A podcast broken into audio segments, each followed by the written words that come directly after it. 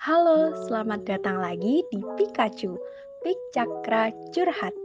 Jadi kali ini kita bakal bahas toxic positivity. Yuk dengerin! Tahukah kamu toxic positivity?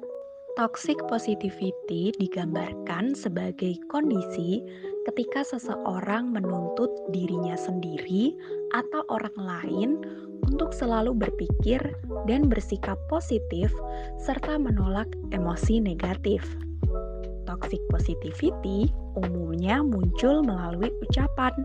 Orang yang memiliki pemikiran demikian mungkin sering melontarkan petuah yang terkesan positif, namun sebenarnya lekat dengan emosi negatif. Perlu diingat bahwa melihat suatu hal dari sudut pandang positif memang baik, tapi jika selalu dibarengi dengan menghindari emosi negatif, hal ini justru dapat berdampak buruk bagi kesehatan mental. Ada beberapa hal yang menjadi ciri khas seseorang sedang terjebak dalam toxic positivity. Di antaranya adalah yang pertama, menyembunyikan perasaan yang sedang dirasakan. Yang kedua, terkesan menghindari atau membiarkan masalah. Yang ketiga, merasa bersalah ketika merasakan atau mengungkapkan emosi negatif. Yang keempat, mencoba memberikan semangat kepada orang lain, namun sering disertai dengan pernyataan yang seolah meremehkan, misalnya mengucapkan kalimat "jangan menyerah, begitu saja kok tidak bisa". Yang kelima, sering mengucapkan kalimat yang membandingkan diri sendiri dengan orang lain. Contohnya, kamu lebih beruntung, masih banyak orang yang lebih menderita dari kamu. Dan yang terakhir, melontarkan kalimat yang menyalahkan orang yang tertimpa masalah. Misalnya, coba deh lihat sisi positifnya. Lagi pula, ini juga salah kamu kan? Selain dari ucapan, media sosial juga dapat memicu toxic positivity. Secara tidak sadar, media sosial membuat orang-orang berlomba-lomba menunjukkan sisi terbaik dari kehidupan masing-masing. Ketika melihat orang lain yang hidupnya tampak lebih sempurna, mungkin kita akan menjadi lebih mudah sedih atau terpuruk. Bahkan, ketika sedang merasa sangat sedih sekalipun, sebisa mungkin kita menutupinya dari media sosial. Hal ini membuat kita menolak segala emosi negatif karena ingin selalu terlihat sempurna, seperti dunia yang ditampakkan di media sosial. Kiat menghindari toxic positivity agar terhindar dari toxic positivity dan dampak buruknya, serta tidak menjadi sumber toxic positivity bagi orang lain, kamu bisa mencoba beberapa tips berikut ini. Yang pertama, rasakan dan kelola emosi negatif.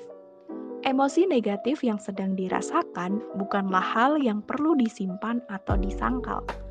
Perasaan dan emosi baik yang negatif maupun positif, merupakan hal yang normal dirasakan oleh manusia.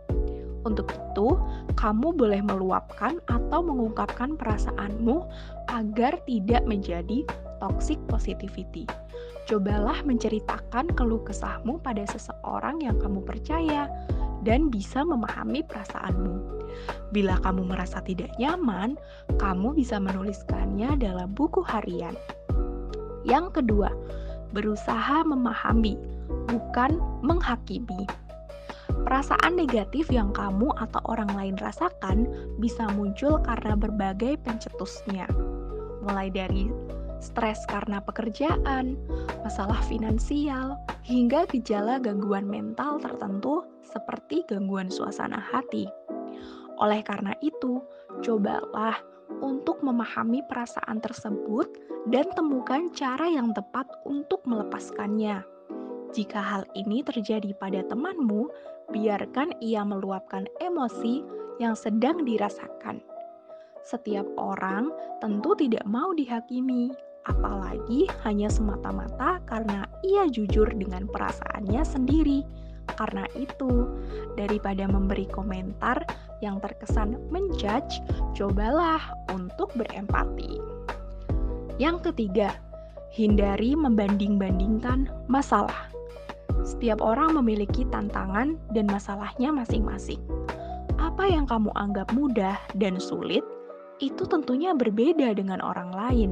Bisa saja kamu merasa hal tersebut mudah, padahal bagi orang lain itu sangat sulit. Begitupun sebaliknya. Maka dari itu, tidak adil rasanya jika kamu membandingkan masalah yang kamu alami dengan masalah orang lain. Alih-alih membandingkan diri sendiri dengan orang lain, lebih baik berusaha memahami dan menghibur diri agar kondisi dan perasaanmu kembali pulih. Yang keempat, mengurangi paparan media sosial. Karena media sosial dapat memicu atau memperparah toxic positivity, alangkah baiknya kamu coba kurangi penggunaannya. Kelola juga akun sosial mediamu. Singkirkan orang-orang yang selalu membuat postingan kurang bermanfaat atau dapat memprovokasi emosimu. Daripada menghabiskan waktu untuk scrolling media sosial, lebih baik buatlah dirimu produktif dengan cara menyelesaikan pekerjaan-pekerjaan yang tertunda, mengasah kemampuan, melakukan me time, atau aktivitas lain yang membuat kamu merasa bahagia. Nah, itulah fakta menarik tentang toxic positivity. Jangan mudah terjebak olehnya ya. Nah, itu tadi pembahasannya mengenai toxic positivity. Menarik kan? Jangan lupa buat follow Pik Cakra di Instagram ya.